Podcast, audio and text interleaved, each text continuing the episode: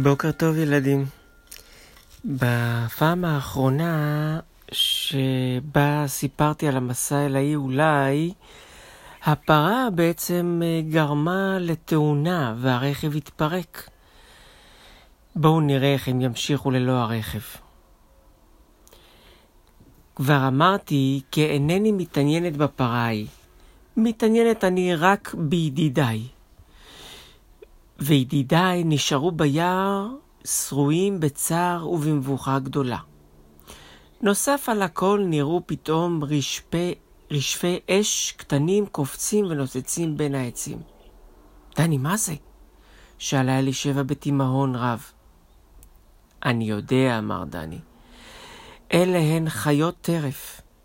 הביטו לימין, אריות, דובים וזאבים. הביטו לשמאל, זאבים, דובים ואריות. אלף ומאתיים אריות. דני? קרא רוץ והביט ישר לתוך עיניו. דני, שכחת מה שהבטחת לאמא? טוב, אמר דני, אז עשרה.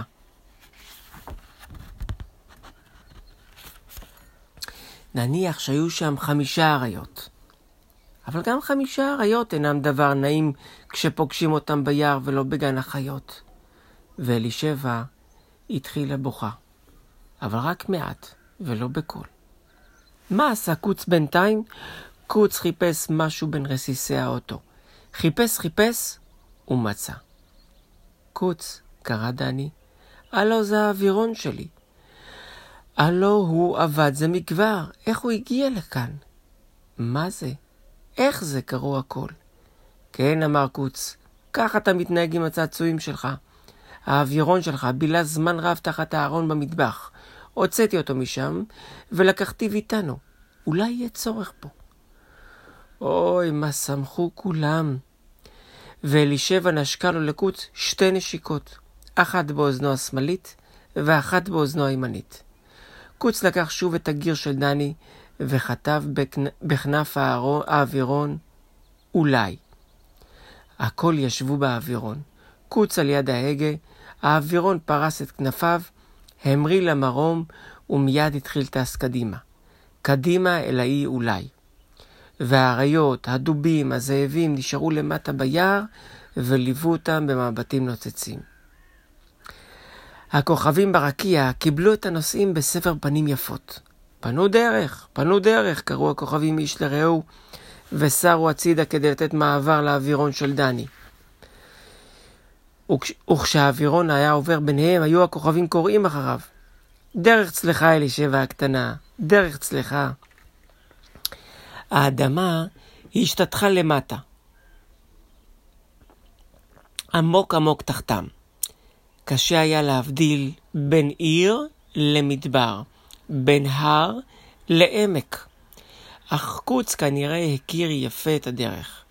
הוא ישב על יד ההגה ונהג את האווירון ביד בטוחה. האווירון התחיל מוציא קולות משונים. משהו נתקלקל בו כנראה.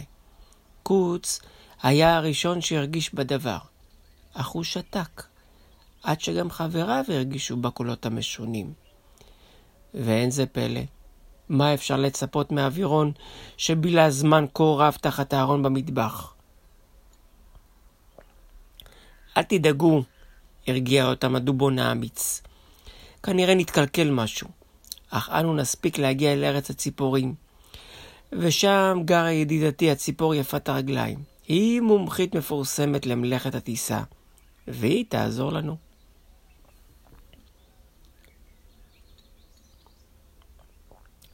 הציפור יפת הרגליים ישבה בקינה ושמרה את גוזליה. כשנתקרב האווירון, נתעוררו הגוזלים כמובן. האווירונים הרועשים האלה תמיד מפריעים את מנוחת הציפורים. והגוזל הקטן צפצף ברוב פחד. אמא, אמא, בואי, אמא. האם נתכעסה תחילה מאוד על שהעירו את גוזליה, אך מי שהכירה את קוץ שכחה את כעסה, שמחה שמחה רבה וקיבלה את כולם בסבר פנים יפות. היא קשרה את האווירון אל האילן והושיבה את אורחיה על אחד הענפים החזקים והנוחים לישיבה. אלישבע פחדה מעט, אך דני היה מרוצה מאוד מן הישיבה בראש האילן. הוא ידע לטפס על עצים, אבל כל כך גבוה לא טיפס מעודו. אמא ציפור חזרה אל הקן. היא הרגיעה והשכיבה את גוזליה, אך הקטן לא רצה להירדם, והיא ישבה על ידו ושרה לו את השיר הזה. רון כנפיים בשמיים, שיר עשיר לגוזלי. טרילי מירלי בן יקיר לי, נומה נומה נומה בני. רוח רוח אל תנוע, אל תאיר לי עולה לי. טירלי מירלי לילה לירלי, נומה נומה נומה בני. שתי פעמים שרה אימא את השיר הזה, והקטן נרדם, וגם אחיו הגדולים נרדמו. מיד עמדה הציפור והתחילה מתקנת את כנף האווירון המקולקלת. זאת הייתה מומחית וזאת הייתה מלאכתה. עברה שעה קלה והכל היה מוכן לטיסה. אני אלווה אתכם, אמרה הציפור יפת הרגליים הטובה והחכמה. אתה נטוס אל מדינת האוקיינוס. שם נמצא את הלוויתן, והוא יביא אתכם אל האי אולי. אמא ציפור כיסתה את גוזליה בעלים רכים וחמימים, וביקשה משכנתה להשגיח עליהם בזמן היעדרה מן הבית. אחר כך ישבו הכל באווירון ואמרו לנסוע. אך איפה אלישבע? הנה כרגע ישבה על ענף ואתה איננה. אלישבע, אלישבע, איפה את? אלישבע. הכל מחפשים אותה והיא איננה. נעלמה ואיננה.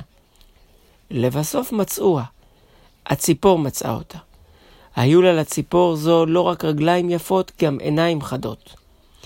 אלישבע נפלה מן הענף וראשה נפצע. מצאו אותה על האזוב לרגלי האילן. והיא בוכה מכאב ומפחד. חשבתי שתשכחוני, חשבתי שתיסעו בלעדיי. טיפשונת קרא דני בכעס, איך נשכחך? הרי כל הנסיעה היא למענך. חשבתי, חשבתי, אמרה הבובה. אלישבע, את חושבת יותר מדי, אמר דני. אך קוץ הרגיע את אלישבע. חבש את הפצע. וגער בדני. דני, קשה מאוד שלא ליפול כשיש לך רק רגל אחת. וחוץ מזה, דני, כך אין מדברים עם גברות.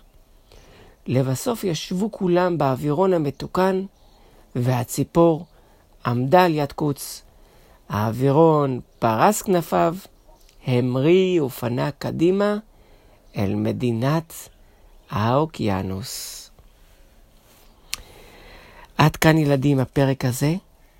מחר כמובן נמשיך, נראה לאן הם יגיעו, ובינתיים אתם מוזמנים לצייר ציור ולכתוב בראש הציור הפעם מילה ארוכה יותר.